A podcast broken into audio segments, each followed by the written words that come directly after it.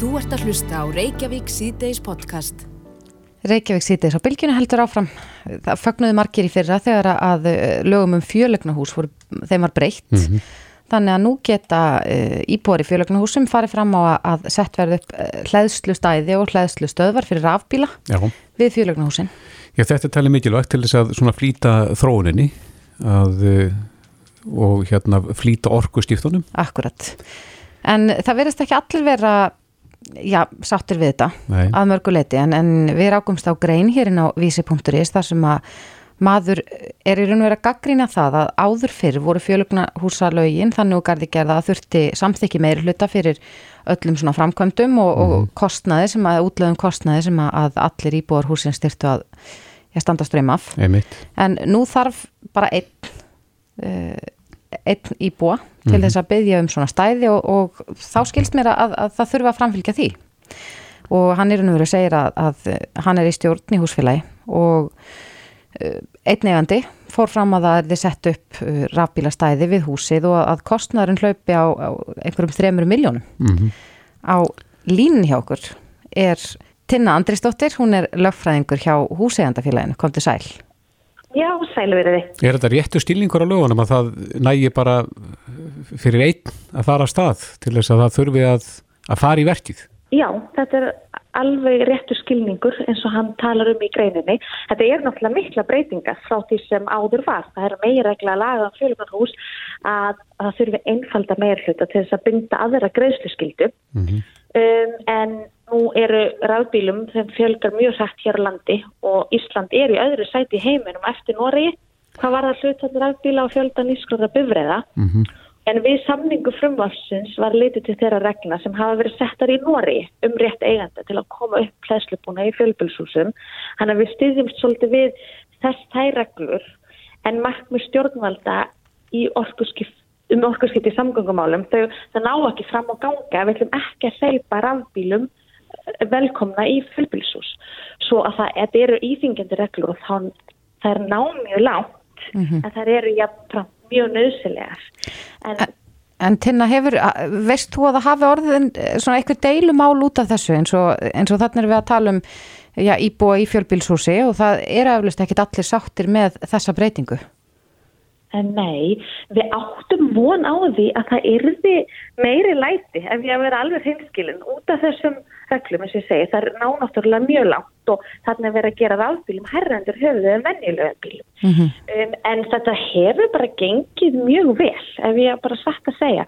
Og við höfum verið að reyna að kynna þetta mjög vel. Við höfum haldið námskeið um, og, og svona, þannig áreind að koma þessum reglum skipt frá okkur. Þetta eru svolítið flókin að renna yfir þau, en þetta er alveg rétt. Það þarf bara einn að krefjast þess að það verði sett upp um, hlæðslu stæði eða þannig að hún verið kleift að hlaða bílinn sinn. En við erum með undatekningareglur í lögunum og ef það lesi aðeins lengra þá koma fram þessar undatekningareglur og til dæmis í þessu tiltekna húsfélagi, núna veitum við ekki alveg um, hvernig húsið er eða í hversu, hvað eru margir eignarhlutar. Kannski eru þrjára miljónir eða eru hundra eignarhlutar þá er það kannski ekkert rosalega mikið, við, nú veitum við ekki hvernig fjölbulshúsið er, Nei. en það er þess að undatekningaregla að hérna að þá má það fresta framkvæmdum í tvö ár um, á meðan safna verður fyrir þeim í framkvæmdasjóð. Já. Akkurat, En þannig að það er ekki á hægt að, fara fram á það að, að segja eins og svo að þessi húsfélag þar sem að er lítill peningur inn á bók að uh, hinir íbúatnir þurfa að taka lán fyrir framkvæmdini. Nei, ég meina ef ljós kemur að þetta sé einhver, einhver dýrari búnaður en eðlilegt er, þá er hægt, þá getur minni hlutin farið fram á, á að safna verði fyrir þessi tvö ár. Þannig að það sé hægt að, hérna, eða svo þau þurfi ekki um þetta að fara í einhverja lánveitingu en styrt, sko. Já, en maður getur svo sem skili þá sem að kannski eigi eitt í rafbíl en þurfa að fara að standa ströym af einhverju framkvæmt kannski fyrir háa fjárhæðir sem að, sem að þeir kom ekki til með að njóta góðs af. Nei, Já, algjörlega og það er svo mikilvægt í þessu að það stendur í lögunum, það er þessi afnotaréttur, þú hefur heimil til þess að nota stæðir og þá er búið að útbúa rafbílastæði. Þú veist, til dæmis sumir bara eiga ekki bíl, en þeir eiga bílastæði, þeir eiga hluti í sameilu bílastæði. Mm -hmm. Þá verða þeir samt að taka þátt í þegar vera að um, kannski gera við hólur í malbyggi eða þá mála eða fólk sem ætlar að kaupa leiktæki í samegnina en það á ekki börn eða það þekkir ekki börn er aldrei að fara að nota þetta Akkurat. leiktækin, skiljið hvert ég fara þessu sængirni sjónum, þú, þú, þú hefur afnóta möguleika að þessu stæði og þetta borgið því og því að maður veit aldrei kannski í einhver tíman í framtíðinu mörg þessi við, viðkomandi eigandi fá sér afbíl Akkurat. Það En verið. helduru tinna að, að þetta muni verða minna og minna vandamál í framtíðinni þegar rafbílum fjölgar eins og við höfum heyrt og það hefur uh, hlutfall rafbíla farið, já, það hefur stóru aukist á síðust árum. Já, einmitt. Uh, ég hef svona átt að mikið alveg á því en við erum fögnum því svo mikið að þessi komi bara loksins lagarsetning um þetta. Þetta var miklu, það var meiri ágrinningur um þetta hérna áður, áður en að lögin komi. Þannig ég held að já, þarna er bara verið að eigða þessari óvissu, hvað gildir í þessum málum og hver réttur hvers eiganda er. En það er samt líka mjög mikilvægt að Reykjavíkuborg, Orkuveitan og Veitur eh, eru með styrkveitingu í þessum málum þannig að það húsfélag geta sótt um styrk. Já, býtu hvert leitaðu eftir styrk, segiru? Um, það er Reykjavíkuborg orkuveitunum veitur sem sjá um þetta. Ég ætti bara að finna þetta inn á heimasíðinu hjá borginni Mhm. og það er hámars upphætti hvers húsfélags er 1,5 miljón en aldrei meira sem nefnir 67% af heildarkostna verksins. Þannig að þetta er líka mjög mikilvægt að Akkurat. hafa í huga. Já, þetta er áhugavert og eins og, eins og við segjum að þá mun þetta líklegast, já, fleiri nýta sér þessi stæði í framtíðin ef, að, ef að þessi þróun heldur áfram. Tinna, Já, við vonum það. já, Tinna Andrisdóttir, lögfræðingur hjá Húsegandafélaginu, kæra þakki fyrir. Já, takk fyrir sem er leiðis. Bless, bless. Bless. Þú ert að hlusta á Reykjavík C-Days podcast. Jæja, Reykjavík sítið heldur áfram. Í gær vorum við að velta upp uh, þeirri spurningu og þetta var enda fyrirspurn sem að bast inn í þáttinn. Það var fóröldur sem að þurfti sko samþykki barsinsins sem er orðið 16 ára til þess að geta eh, leyst út lif í apotekki. Fengið þetta svo kallað umbóð. Akkurat og þetta átti líka við þess, þessi sami einstaklingur hefði lendið því að ætla að sækja nýra á heilsugjæslustöð, beðinni fyrir barnið sitt til þess að komast í sjúkarþjálfun Já, en fekk það ekki afhend vegna þess að viðkomandi var ekki með umboð frá barninu. einmitt. Og fannst þetta svolítið uh, kjánalegt Mm uh, þar sem að viðkomandi er forráðamaður barsins Já, til átjónu til aldurs. átjörnaldurs. En við heyrðum í, í landlæknis embættinu og það kom fram að, að samkvæmt lögum um sjúklinga held ég að það hafi örglega verið eru já, börn innan heilbriðiskerfisins á eigin spýtum frá 16 ára með ákveði sjálfræði þarna frá 16 ára aldri. Já. Guðmundur Fylkjesson, lauruglumadur sem er nú þekktur fyrir sín störf að, að leita að týndum börnum. Uh, heyrði þetta spjalli á okkur í gær og uh, komdu sæl Guðmundur. Komið sæl. Já, þú hefur nú lent í ímissu í leit þinni að týndum börnum. Hefur þetta trublað þitt starf? Það er að segja þetta fyrirkomulag. Já, ég man eftir tveimur tilfellum. Í öðru tilfellinu er, er einstaklingur sem ég er að leita búin að vera í tvo sólaringa inn á spítala. Hann, hann orðin, þessi einstaklingur var orðin, orðin sem sagt 16 ára gammal, það áviðum bæði þessi tilfelli sem að, sem að hefur verið og, og ég er búin að vera að leita og leita og leita og þá allt í raun kemur, kemur, hérna, kemur það upp að við komum til bara inn á spítala og búin að vera þar í, í þessa tæpu tvo sólaringa og hafði bara ekki viljað að, að fóreldrarnir eru látni vita. Já. Þannig að það reyndar spítalinn, við, við rættum þetta og, og, og, og það tekið á sig þetta í, í því tilfelli miða við veikindi viðkomandi þá hefðu við ofta að láta barnavend vita af barninu. Mm -hmm. Því að spítalinn, þú veist, hann, spítalinn á að láta barnavend þegar að þegar að barni er í þá einhverju áhættu hefðun eitthvað slíku þá, þá hefðu það og það er bara misfórst þarna og það, það, það er bara búið að laga þann, þann þáttinn þannig að það hefur ekki komið fyrir aftur með þessum hætti. Nei.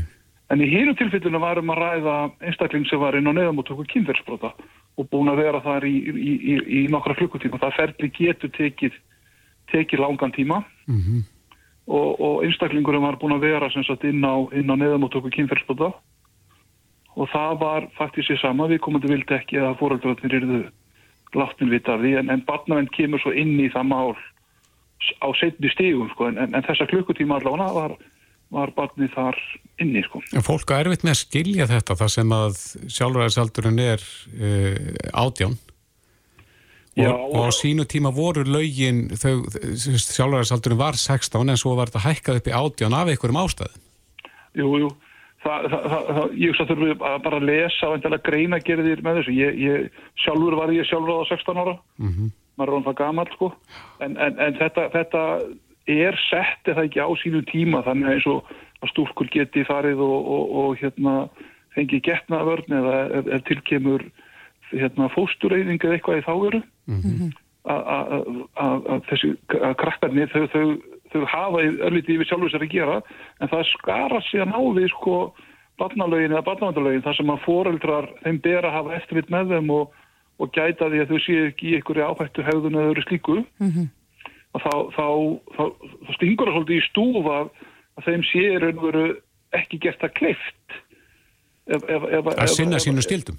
að sinna sínum skildum ef að heilbriðiskerfið hérna, hefur ekki það, það er skildur að láta þau vita að barnið sé að sækja til þeirra þjónustu sko. Akkurat, en væri að þínum að þetta hægt að, að hafa þetta einhvern veginn þrepaskipt eða, eða þann, þannig að, að börn gæti eða er verið ungmenni, gætu þá fengið einhverja heilbreyðstjónustu eins og, eins og bara upp á skrifu liv, til dæmis getnavartin eins og þú nefnir, en, en þó ekki bara allt sem við kemur heilbreyðstjónustu.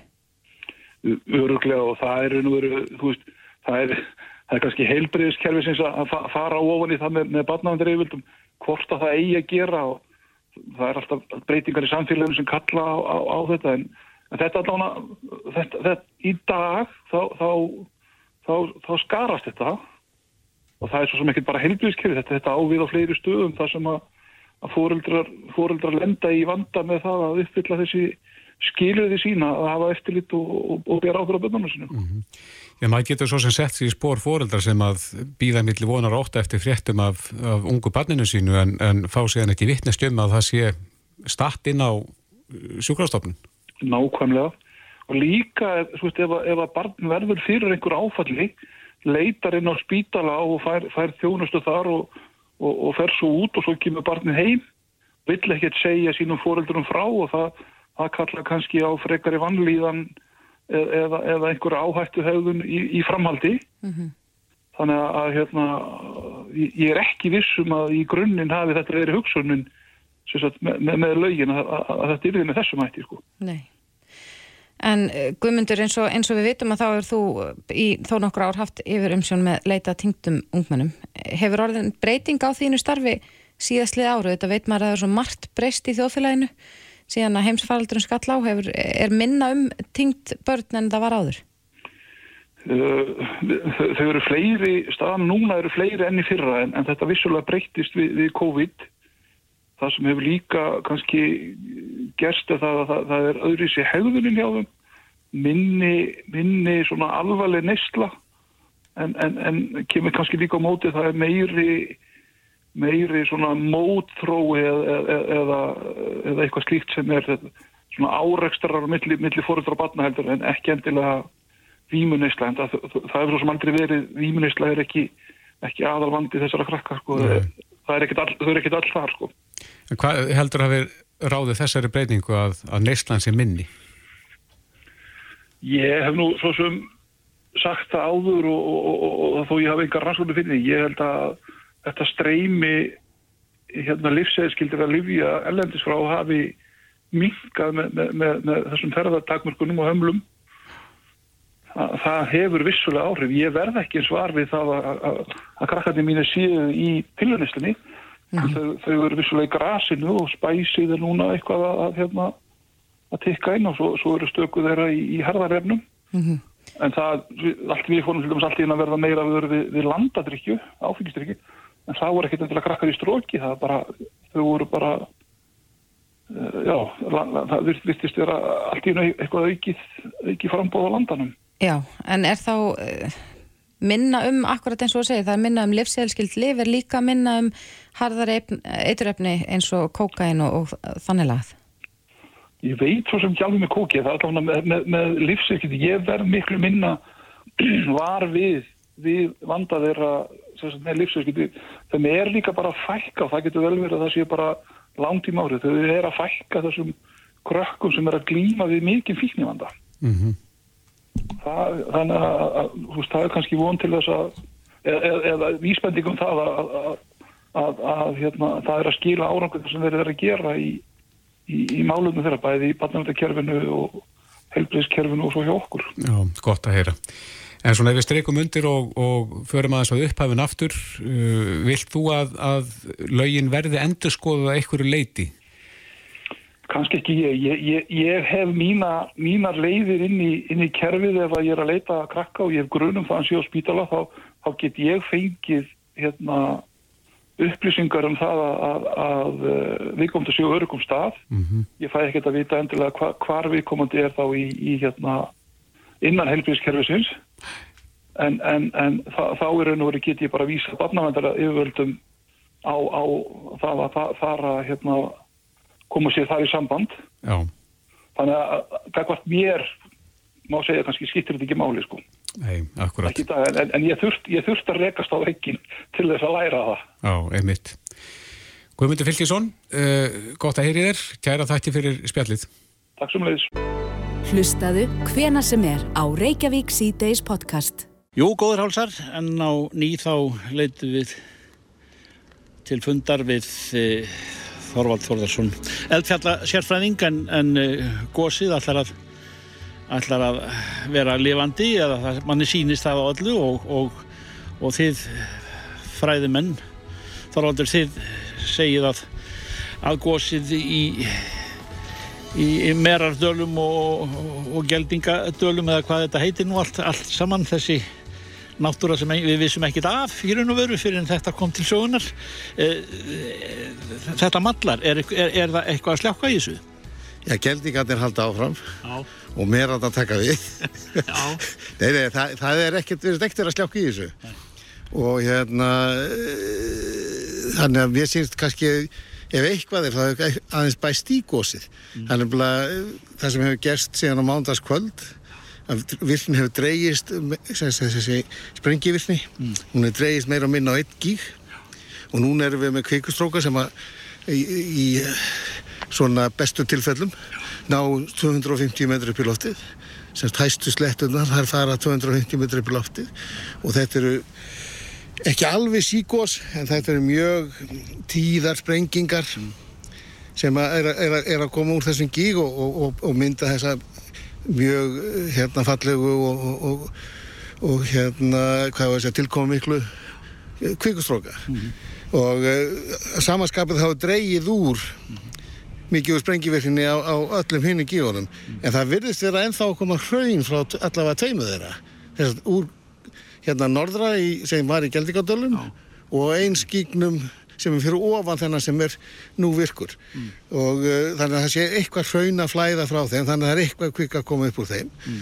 og síðan erum við með þessa feikna fögru hraun á Já. sem að rennur til austus í gegnum skarðið hérna út úr Geldingadölum mm -hmm. og uh, eins og er mm. nýri í Nafnlausadal eða dal sem hef, hefur ekki neitt nafn Ágjöflu settir því eða? Ég, það var náttúrulega alveg sko, heimamenn ef þeir vita eh, um eitthvað nafn á þessum dal, það var mjög gott að fá að vita því. Já. Gerum það hér á nú en e, nefni eitt eh, fyrirbriði sem að bara rétt áðan ég barði augum þegar ég var að fylgjast með þessu á, á skjánum eldvirkninni eins og hún er þessa stundina það voru svona kvítfissan, það var rétt eins og að væri lags í þessari raun á Eh, sem væri að berjast svona eh, á móti strömmnum rétt eins og bara lags í einhverju á, á í Alaska eða eitthvað slíkt eh, sérkennilegt svona blástuskent fyrirbriði þarna út í miður áni Já, við höfum séð mjög áhugaverð fyrirbæri í hraunánum hraunánum hafa tekið upp á því að, að svona mynda svona bólu sem að, að koma upp með, með, með tölurðabli mm. og stundu þegar það skeður þá myndast nokkuð svona strókur og sem er nú sennilega vegna þess að mismunna hítanum á hrauninu og síðan á loftinu. Og dregur það kalda lofti niður og það myndast svipa fyrir bara eins og, eins og skístrókur mm. eða tornado eins og, eins og, eins og kalla það á, á, á góður íslensku. Mm. en, en, en uh, þetta, er, þetta er mjög gaman að sjá þetta. Ég hef ekki séð sé þetta áður Nei. í, í svona hraunám. Og uh, ég fannst þetta alveg magnað að sjá þetta hann í gær. Mm -hmm á, á, á hraunarni og þetta tætti upp yfirborðið.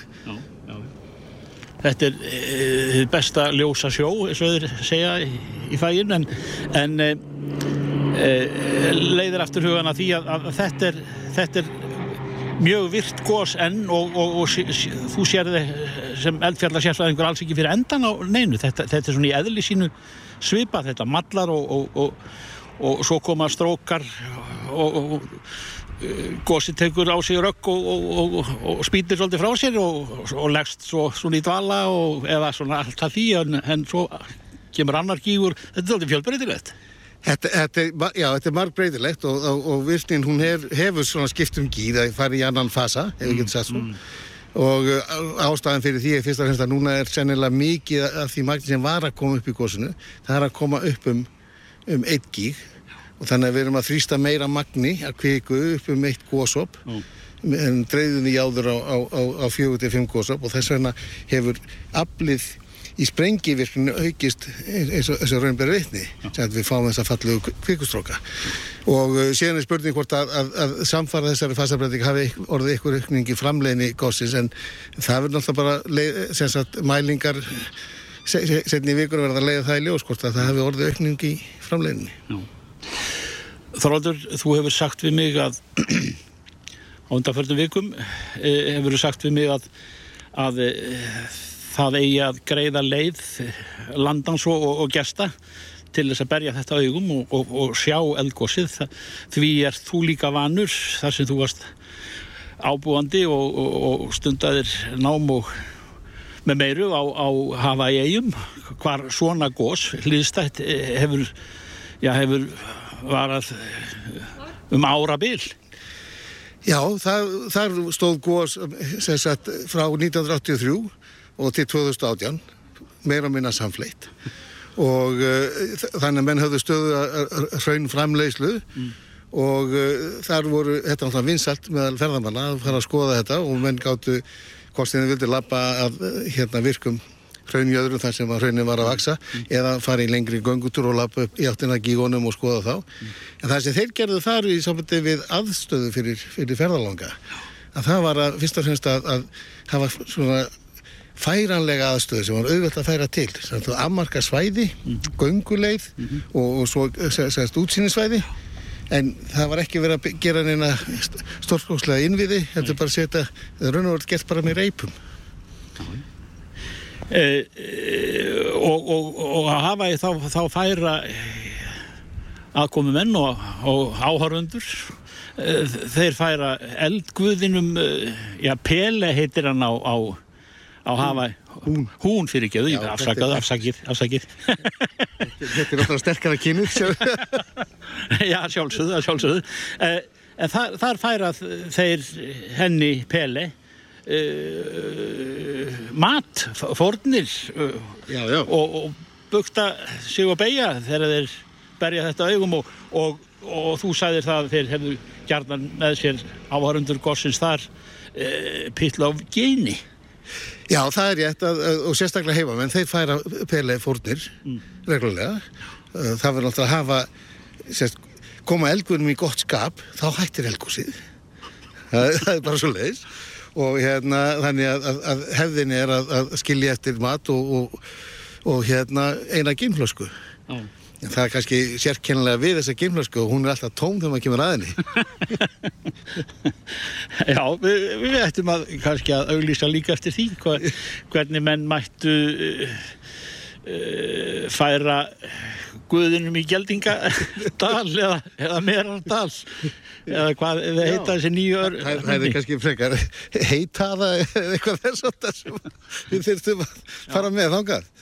Já, það getur verið, við auglísum líka eftir því en, en þetta er e, svona til þess að lita framtíðina þá, þá verða, verða nú eflust settir hérna einhverju pallar upp og, og, og þar fram með göttunum og þú spáir þessu um árabil. Já, ég sé ekki neitt sem bendis á góðs ég að, að, að hætta, það er helst sagt, sama framleginni eða aðeins meiri framleginni heldur en var og, og hérna þó að verði smá fasabreitingar á ásýnd góðsins að þá þýðir það ekki endilega að, að, að eitthvað stóra breytingar á, á, á tímalengtinni sko. Þorvaldur Þorvarsson eldfjallarsérfræðingur kæra þakkir og við ég banka á dittnar hjá þér eftir ekki marga daga Alltaf velkomin og takk fyrir mig Reykjavík síðdeis á bylginni Jæja, Reykjavík síðdeis, rannsóknin á morðin í Rauðagerði þokast áfram? Já, við heyrðum nú um daginn í, í yfirlaurglu þjóni eða aðstóri yfirlaurglu þjóni hjá uh, lauruglan á höfuborgarsvæðinu mm -hmm. þar sem að uh, hann lísti aðeins hvað hefði gerst nú þegar, sérst, hvað, hvað, hvar máli væri statt eftir að, að haldið maður bladamannafundur en það vakti aðtikli í dag að, að tölveri fjöldi lauruglumanna var við störfi í Rauðagerði í tengslu við morðið sem var fram í februar en þarna var verið að uh, sko, sviðsetja morðið Meðal annars, Margi Sveinsson, aðstóri yfir lauruglu þjótt hjá miðlægri rannsóknardeild lauruglunar er á línu, kom til sæl. Já, komið sæl. Hvert var verkefni morgunsins hjá ykkur? Heyrðu, þarna voru við bara að, að reyna að bera saman gögn og frambyrði og sannlega hvort að sem lauruglunar hefur undir höndum geti að passi við, við vettvangin. Já, sem sagt, vittni spurðu hvort að hann stemmi við sönnuna gögnin sem þið hafi nú þegar. Já, og, og svo þegar sem lauruglan hefur sapnað sér í, í málunu. Mm -hmm. er, er þetta hefðbundi verkla hjá lauruglunum? Hafið þið gert þetta ofta áður að, að sviðsetja glæpi með þessum hætti? Já, þessar aðferðir stundum veitt í, í hérna svona alvarlegri málum og þegar að þarf að átta sér betur á, á því sem að, að gerðist mm -hmm. og þá er mitt bara hvort að, að það sem að, að þau gögg sem lauruglun hefur, svo sem eins og frambyrðir getur passað við vettvangin og það er lýsingar sem að gefnar hafi verið. Já, kom sakbortningurinn sjálfur eitthvað nálagt þessari sviðsetningu? Já, hann var rætt á staðnum. Og uh, hver var hans þáttur? Já, hann er bara skýrir frá sínum hlut eins og hann hefur gert í, í viðlauruglu og, og svona með frekari skýringu þá á vettvangi. Já, og svo það borið sama þá vantarlega við annarkvögg málsins svona upp á að, að kanna hvort að, að það stemmi. Já, það er mitt hannig sem þetta fyrir fram. En e, þetta var sviðsetning og, og hvað meira fór fram þarna? Já, svo bara þessi vinna sem við erum að skoða svona vettnámsvinna, frekar í vettnámsvinna með tillit til þeirra gagna sem við höfum að bláða okkur. Í svona málum þar sem að þið þurfa að loka heitli götu er, eru íbúarnir svona með í ráðum þarna? Já, við látum fólk vita að við í næstu, næstu húsum og, og, hérna, og á þeim tíma sem þetta stendur yfir. Við viljum ekki láta mikið vita af því þegar við erum að fara í svona aðgerðis. Mm -hmm. Við svona frekar bara upp á friðin að gera en, en svona tryggjum, tryggjum vettvangin um leið. Já, en svo fram með komið í frettum þá er, er, hefur Karlmaður játað sök í málinu og er eitthvað nýtt að fretta í þessum efnum? Er, er teljiði þetta trúanlega frásögn? Já, við teljum okkur vera konur nokkuð að mynda á, á, á þessu máli og, og erum bara að leggja svona loka hönd á því að fara að skila því til ágjörðsins og, og það má búist í því að það gerist á morgun. Er búið að útloka að aðrir hafi komið að þessu verki? Nei, það hefur ekki verið gert. Teljið það líklegt að það séu aðri tengdir? Já, já, við teljum það vera og, og rannsónin hefur eins og hefur fram og komið beinst að því meðal annars. Það kom fram í upphafi þessa mannar að, að, að, að það eru tengsla milli mann sem sem játað hefur ásveið morðið í Rauðagerði og mann sem að það var talin viðriðin döðamanns í Kópavogi í upphafi mánar. Þið teljið þó ekki að það séu tengsla milli málana? Nei, það er engi tengi þar á milli. Nei, búið út að loka það? Alveg, já. Já. Er þessari vinnu á vettvangi lokið? Já, henni var lokið bara rétt fyrir hátegi. Það þarf þá ekki að fara aftur á staðinn? Nei, ekki, nei, nei, við, teljum okkur vera bara múin að klára þá, þá vinnu og, og nú eins og ég segi, bara líka fyrir að klára og pakka og, setja mál til ágjörðsvis. Mm -hmm. En þið teljið í raun og vera mandrafi sjálf sé upplýst en, en, en, en þá eins og við heyrum eh, af því sem gerist í morgun að rannsaka aðra þætti málsins? Já, já, já. Það er, það er sem stendur enn yfir rannsókn á, á aðkomu annara og, og, hérna, og það er komið á, á, á góðan, góða leið. Já, tilur líklegt að, að fleiri verði ákjærðir í málinu? Ég ætla ekki að segja til um það. Ég, það er bara ákjærðsið og hér er sagt svona að ákveða það. Já, akkurat.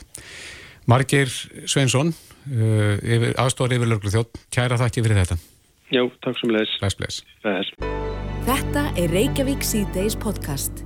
Reykjavík C-Days á bylginu heldur áfram. Stýrivextir hafa verið í sögulegu lámarki í lengri tíma núna.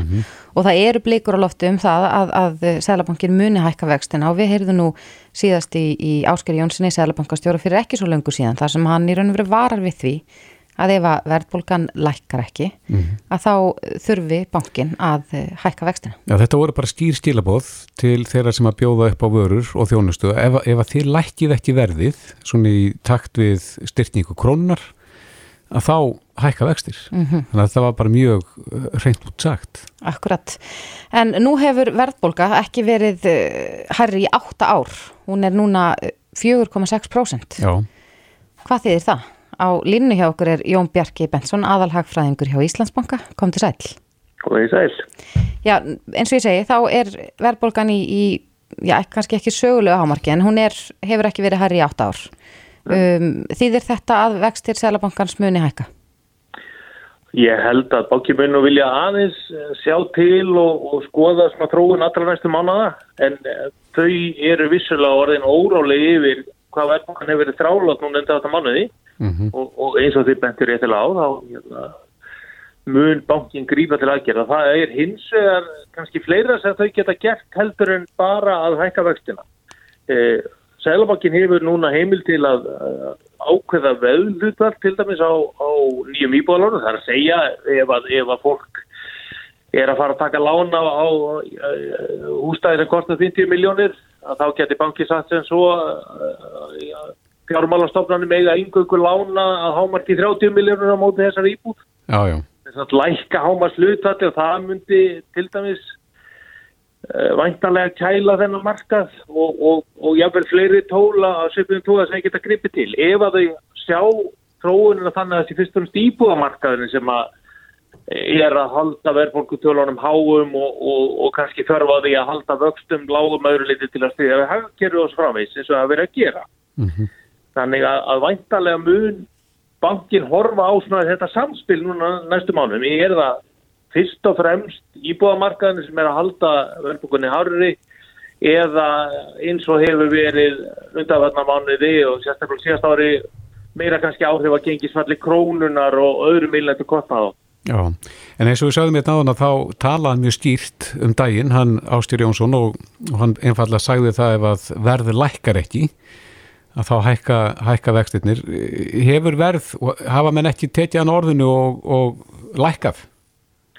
Uh, Það hafa ákveðinu þættir í verðinu uh, fyllt krónu. Við sáum til dæmis tilteknar uh, innflutarmaturur uh, lækka eftir að, að krónu voru að styrkja þess að hún gerði núna á, á já, einlega frá áramóti, þau eru styrksvaldið e, og, og aðra, aðra innflutarvörur. Það, það eru einhverja vísbyttingar um að, að, að, verði hafi aðeins komið tilbaka En það sem Sælabanki bindur efalöstu vonir við og við höfum svo sem verið að taka inn í okkar verðspár líka er að, krónan muni styrkjast meira á setni hlutafsins þegar það er þjónast að vona að þetta gert að spil við fyrir að fá meiri gældinseflaði og, og allt að taka við sér.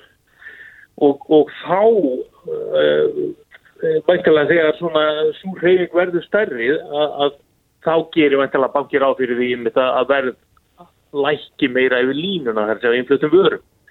Og gangi það ekki eftir þá, þá er náttúrulega vandamál orðið stærra og, farin að vera vandamál sem að selbanki þarf að bregðast við. Mm En eins og þú talar um að þá er, er sko húsnæðismarkaðurinn spila stórt hlutverk þarna og það er nú ekki einhver einn aðili eða verslun sem ákveður uh, hvernig því skal háttað. Er, er eitthvað sem að eitthvað annað sem hægt er að gera til þess að reyna að halda verðbólkunni í skefjum? Getur við gert eitthvað almenningur? Já, eins, eins og fyrir daginn er þetta bara gott að verðvitundin sé skörp. Ég held reyndar að, að við höfum séð uh, öllu minni verðbólku síðust árin í takti við það að samkeppni uh, í smásölu hér inn á það sér að aukast tölvert og og almenningu farin að, að, að gera meiri verðsafur bæðið millir vestlana uh, vestlana við vefvestlanir og svo framvegis. Og þetta er orðið auðveldara með því að, að vest, vestlana vellækningi er komin í dagsætti mælin á vefin mm -hmm. og, og við höfum séð það að verðlastrýtingun hefur verið minni heldur við óttuðumst, sérstaklega í spásunni og ég, ég tengi það við það að, að, að fólk er bara orðið mjög duglegt að, að skoða, það sér eitthvað í búð og, og aðtöður sem getur, getur fengið þetta ódýrar á vefnægt einnalands, er ódýrar að kaupa þetta úti og flytja þetta inn. Mm -hmm. Mér er síðast vesturinn alveg bregðast við þessu, þannig að, að það verður að gefa svona viðurkenningu það sem að það sem að er innstæða fyrir henni og, og ég held að ástæði hérna væri erfiðar á verðboka meiri ef að þessi dróðun hefði ekki komið á móti. Akkurat. En þú segir hér í, í greinin á vísi.is það sem að uh, viðtal við þig og þú segir að þessi ákveði umhugsunarefni að, að, að orðið svona mikil hækkun á mjölkurvörum. Það er nú ekki eitthvað sem að, maður kannski kaupir á netinu og lætur senda til sín. Nei, það, það er svolítið, svolítið sér á báti velagning á, á slíku, slíkum vörum því að það er velagsnöð búvara er, er svona hálf ofinbært batteri sem að ákveður sem sagt, það verð sem að framleiðendur mjölkuvara fá fyrir sem varning og það, svo ákvörðun skila sér eiginlega beint í smásölverði verður til neytandans. Mm -hmm. núna, núna er rétt að halda til að, að þetta verður verið óbreytt því að því að síðast breytta í maður í júni á síðast ári. Þannig að það er hægt að hafa skilning á því um, kostnaður hefur aukist í mildinni, influtningsverð og allt sem að þessi framleiðinu þurfa að fá tilbaka. En, en tímasetningi núna var ekki alveg heppileg að taka þetta stóra stökk svona einu læg, ef við getum orðað þannig. Akkurat. Þannig að það, það, var, það var svona næst mesti ekkunar þátturna eftir íbóðurinu og, og hérna, ekki alveg til að hjálpa núna. Þannig að, að það mætti skoða það ætti í fyrsta lagi hvort að þessi verðlækning væri ekki svona markastengdar og svo auðvita hvort að þessa ákvarðan ekki að koma oftar og, og væri þá kannski smærri í hvað skipti. Mm -hmm. En uh, við heyrðum nú um daginn hér í Áskeri Jónssoni og, og uh, það sem eitt af því sem hann rættum er að, að ef að bankin hækkar vextina að þá munir það hafa áhrif á, á til dæmis íbúðalánun okkar. Er hægt að mæla með því fólk að, að það skoði lánin sín og, og sé einhvern veginn við því búið að, að vextir hækki? Væri núna rétti tíminn til þess að endur fjármagna til dæmis? Ég held að tvímalalust að mæli ég með því að, að fólk sé meðvitað að, að, að þau lán sem það er að taka núna eru sögulega hagstæðir nokk tíma hefur verið á, á lánamarka á Íslandi. Og, og, og með því að efnagsbati er í kortanu verðbólkaði tölverð þá er hættar á því að vextinir hækki miklu meir en á, það er nánast ekki útilokað, það eru lítla líkur að vextinir verði læri mm -hmm. og, og tölverði líkur að þeir verði hækka innan tíða. Þannig að allir sem að eru með sliklán þurfa að velta í þessi hvort þeir hafi ekki öruglega svigrum til þess að, að borga nokkuð hærri vexti heldur eða borga í dag og, og yfir skoða lánamarkaði hvernig sé þá hægt að, að bregðast við ef, ef að vestir er að fara að hækka því að núna er íbólánamarkaði sem betur orðið þannig að það er, að er miklu auðveldara fyrir almenning að fara á milli lánveitenda Já. gera verðsamaburð eh, taka það forma lánu sem er hagstaðast, það er orðið miklu ódýrar að borga upp lán mm -hmm. og þjálla að skipta um lánveitanda Þannig að ég hvet tímalust alla til þess að aðtjóða það að, að við ráði við hærri greiðslubyrði og, og gera ráðstafanir ef að e, það er einhver hægt á því að fólk geti lendi vandrað. Því að það virðist vera kannski stýttra í það en við heldum að, að vexti fara hægt. Já, en eins og fyrir fólk sem er með sko óvertri lán með breytilegum vöxtum erum við að tala um 20.000 á mánuði sem að fólk mun þurfa að standa þá ströyma ef að vextir hækka? það fer náttúrulega alfarið eftir hvað höfustátt lánsins er, er hár eh, og, og, og hvernig, hvernig lánskjörin eru því að það er svona kannski aðeins meira segfljótandi hvernig vextinni breytast heldur en stýrivexti sælabafans en fyrir um leið og þú ert með eh, allháan höfustól undir og lánið er alfarið á fljótandi vextum þar að segja að vextinni breytast í hverju mánuði þá má gera ráð fyrir að kristlubyrðin fengist tölverkt í leið og, og, og vaksta hækkan í seglabakkans komast það ekkert spil. Væri góðu leikur í stöðun að, að taka þá lán með förstum vöxtum? Ég held að, að, að það sé til um til þess fyrir þá sem eru með lána flóðunduvöxtum að gera með sko þennan saman. Í uh, þessa stundina, eða þessa dagana er, er, eru föstuvestirnir uh, almennt talsveit herri sem endur speiklar auðvitað væntingar um að, að vaksta stíi muni fara hækkandi.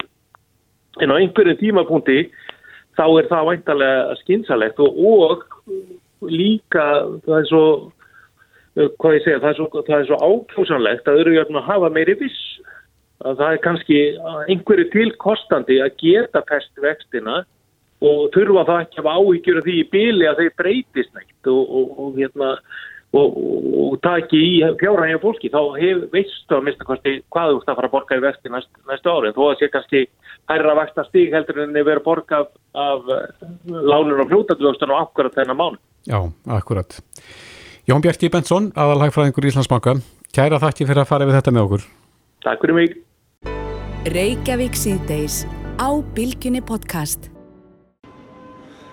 Það er svo sem ekki líflegt um að litast í miðborg Reykjavíkur. Við búum ennþá við takmarkanir á viðskiptum og, og það er nú vakt til orða tekið en, en, en ein er svo tegund uh, vinnustada sem að heit barir og veitingastadir sem að náttúrulega hafa orðið, orðið ítla úti í, í, í COVID-inu sem maður segir og, en og, og, og svo er það að náttúrulega að fara af stað menn eru svona eiga það að það, sé, það er nú að létta á þessu og, og þá verður tekið til óspildra máluna við erum hérna hjá honum Áspildi Svensinni, hann rekkur session bar hérna á hotninu á skólaugustíg og, og lögavegi, er ég ekki rétt stafsettur? Jú, jú, út á réttu stað. Skólaugustígur, bankastættu lögur Þú saðir frá því á dögunum já meðal annars að sem að snerti það sem að maður hefur nú oft á tíðum reykið sér á í setni tíð þegar okkur er leift að framleiða eigin bjóri í, og öl um all land og, og það er vissulega gert og, og þetta umhverfi með bjórin hefur, hefur breyst gríðarlega. En þessi leið frá framleiðandanum með vöru sína á markað inn á bar hjá þér Ásmundur, hún er bísna löng og, og flókin. Nei, ekki, ekki inn á bar hjá mér. Við vestlum alltaf bara beint af sagt, hérna, af framleiðendum. Mm.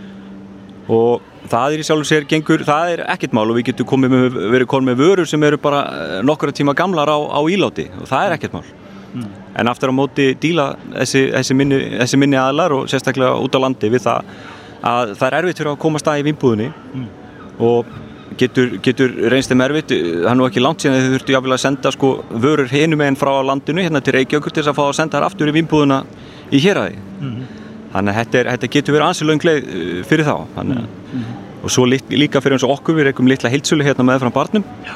að þá hérna Uh, voru við komin á stað með, með vörur frá, frá litlum bónda sem framlegir gæða kampafinn að það var uh, það var komið á stað rétt fyrir en eftir að COVID fór á stað þá ákveða að fara örlíti lengri en í það en það, en það myndaðist ansið mikill opinn tími þarna hjá okkur mm -hmm. og ákveðum að bæta við vörulínna en þá kemur upp sá boppi að þá hafa fleiri hugsaða sama sem er að jáfnveil mögulega brenninu með vörur eða annað og vilja koma í vinnbúðinni og það er að mynda skriðelu flöskuháls í umsóknum um sölu mm -hmm. að, að því sögðu þá eins og staðin í dag þá getur tekið þig eða tekur í dag ef þú ætlar að koma vöru í sölu þá tekur það mögulega heilt ára ára hún kemst í hillurnar. Mm. Já, það var þetta líka sem að maður nöytum ég, ég tekka fram og svo heyrir á mér.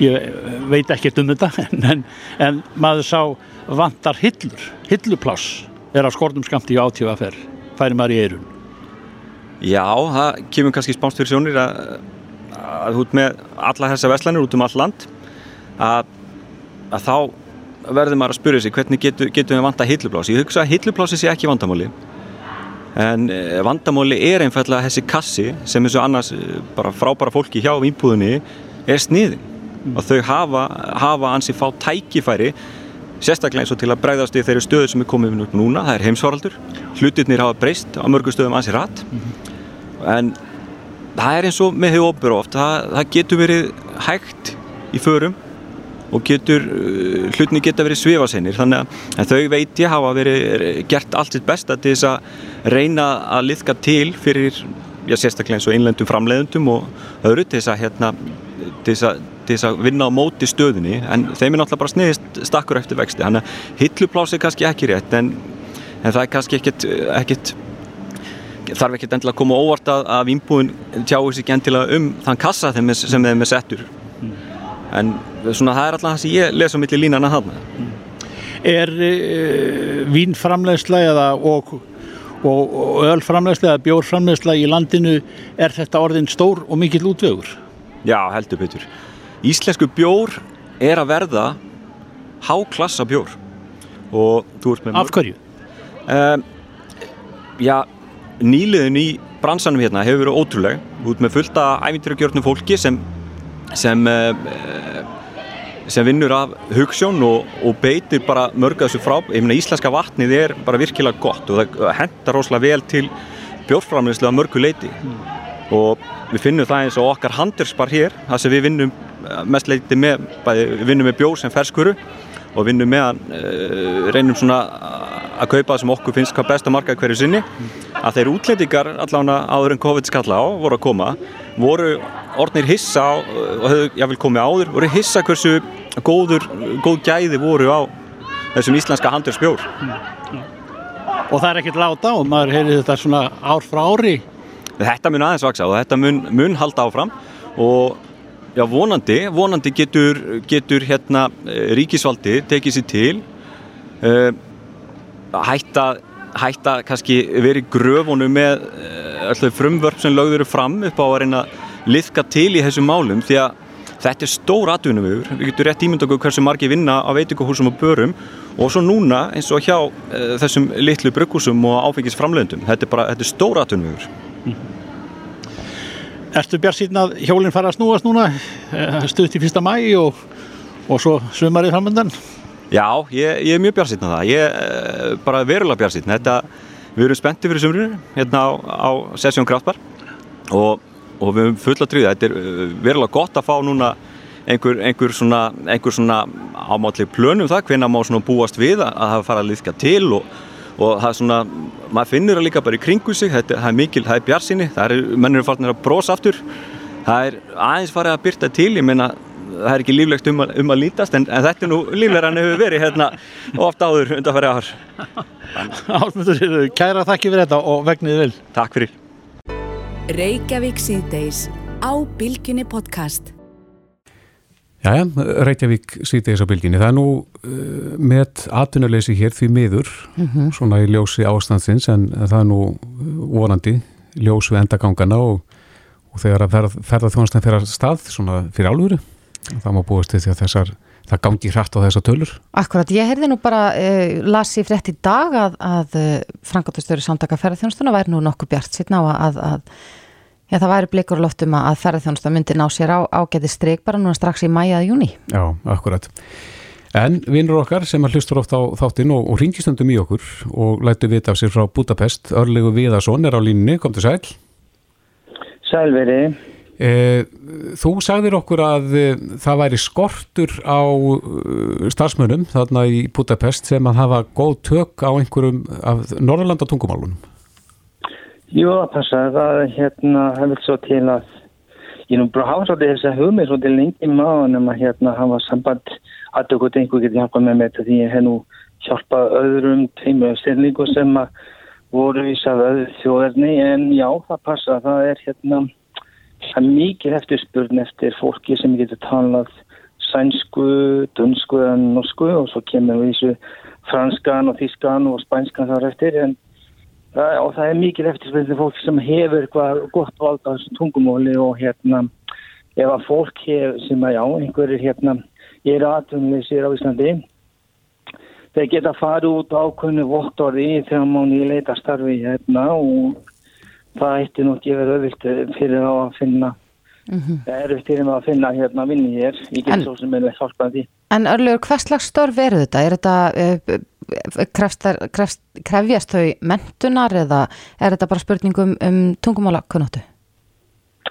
Það myndi vera bæ, svona begja blands, uh, bæði þetta náttúrulega þetta hafa á, svona sko, fyrirtæki munu aðtúa tungumálakunni, það, það er ekki nóg að segja að þú hafið gott vald á sænsku eða norsku, þeir munu ringi í þig og það mun einhver starfsmæli fyrirtækinu sem er kannski sænskur eða norskur og eiga samtal við þig og aðtók hversu gott vald þú hefur á tungumálinu og svo náttúrulega kemur náttúrulega skiptir gríða miklu máli að þú hafið já, einhverja mentin vantir þetta tengi sko um, það er ímis sko tölvuþekkinga þá er kannski við skemmtum að ringja í þig eða senda e-mail eða verður eitthvað vandamál með tölv, tölvunina. Svo er það þjónustustörf og þá er eitthvað sambandi við um, ja, allan að missu tægi og svo náttúrulega er ég sjálfur þá var ég að afgriða reikninga fyrir Svíþjóð og Já.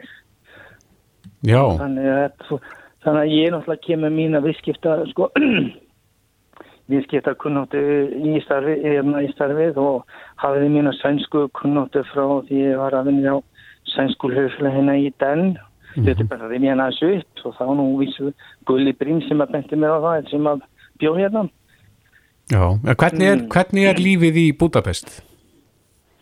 Hvernig er lífið? Það er alltaf sko það er eins og þetta ég sé svipaði á öllum slóðum eins og er á Íslandi líka. Það er sem betur þá hún erum við hérna búin að bólusetja held í öruglega fjóra miljónir manns hérna þannig að ég er búin að sjálfur búin að fá með bólusetningu. Það er allt byrjað að opna það er byrjað að opna alla veitingastaf allt saman sem var búin að loka fyrir hunga tíma og var búin útgöngubæn líka. Er ekki mikið um smitt um, núna í, í Budapest? Það hefur alveg gjörð svona dótt í niður, alveg hrífalli niður. Það voru um 12.000 smitt á dag eitthvað og svo er þetta dótt eitthvað niður í hvað ef þetta nær um þúsund manns á dag eitthvað veist og það er að þetta er alveg, það er rosadóttinu þegar það er allir að fá sína búsetning og þú getur kosið sjálfur hvaða mótefnu þú vilt fá. Já, hvaða, hvaða bólefnu maður fær? Já, þú getur kosið, þú getur varað ráðið því sjálfur Og þekkir það hvað er vinsalast í, í Ungarlandi? Af þessum bólefnum sem er í bóði? Spút, já, það er ekki Sputnik, Modern og Pfizer. Pfizer þekki sjálfur. Ég kvist það sjálfur. Já, já. Já, þannig að fólk hefur val þarna. Já, þú getur valið hvað þú vilt og ég tók bara aðstafsynninga út af listanum. Já, er, er farið að, er farið að vora örlegur hérna úti? Já, það er komið rúmlega 20 stygg híti hérna sko. Þannig að þetta er farið að vora það er svo rosamillega sko breytingar og viðfari hérna. Það er bara sumari þetta bara einu degi inn hérna sko. Já, já. Alveg eins er það með, veiturinn, það er bara þetta inn, inn á einu degi. En eins og segi hérna þá getur um, sem segi haft samband við mig eða ég er búin að setja ykkur hérna, búin að láta ykkur hafa e-maili adressunum mína. Já, hver er hún? Komdu með hann aftur? Það er ovitason.gmail.com og svona leiti örlegu við og svona getur fundið mig á Facebook ef einhver er á það. Verðum að setja punktin hérna örlegu Viðarsson í Budapest. Já. Kæra þakki fyrir þetta og bestu hverður yfir hafið. Gjör það, takk fyrir þessum við þess. Bless, bless. Stöð, bless. Þetta er Reykjavík C-Days podcast.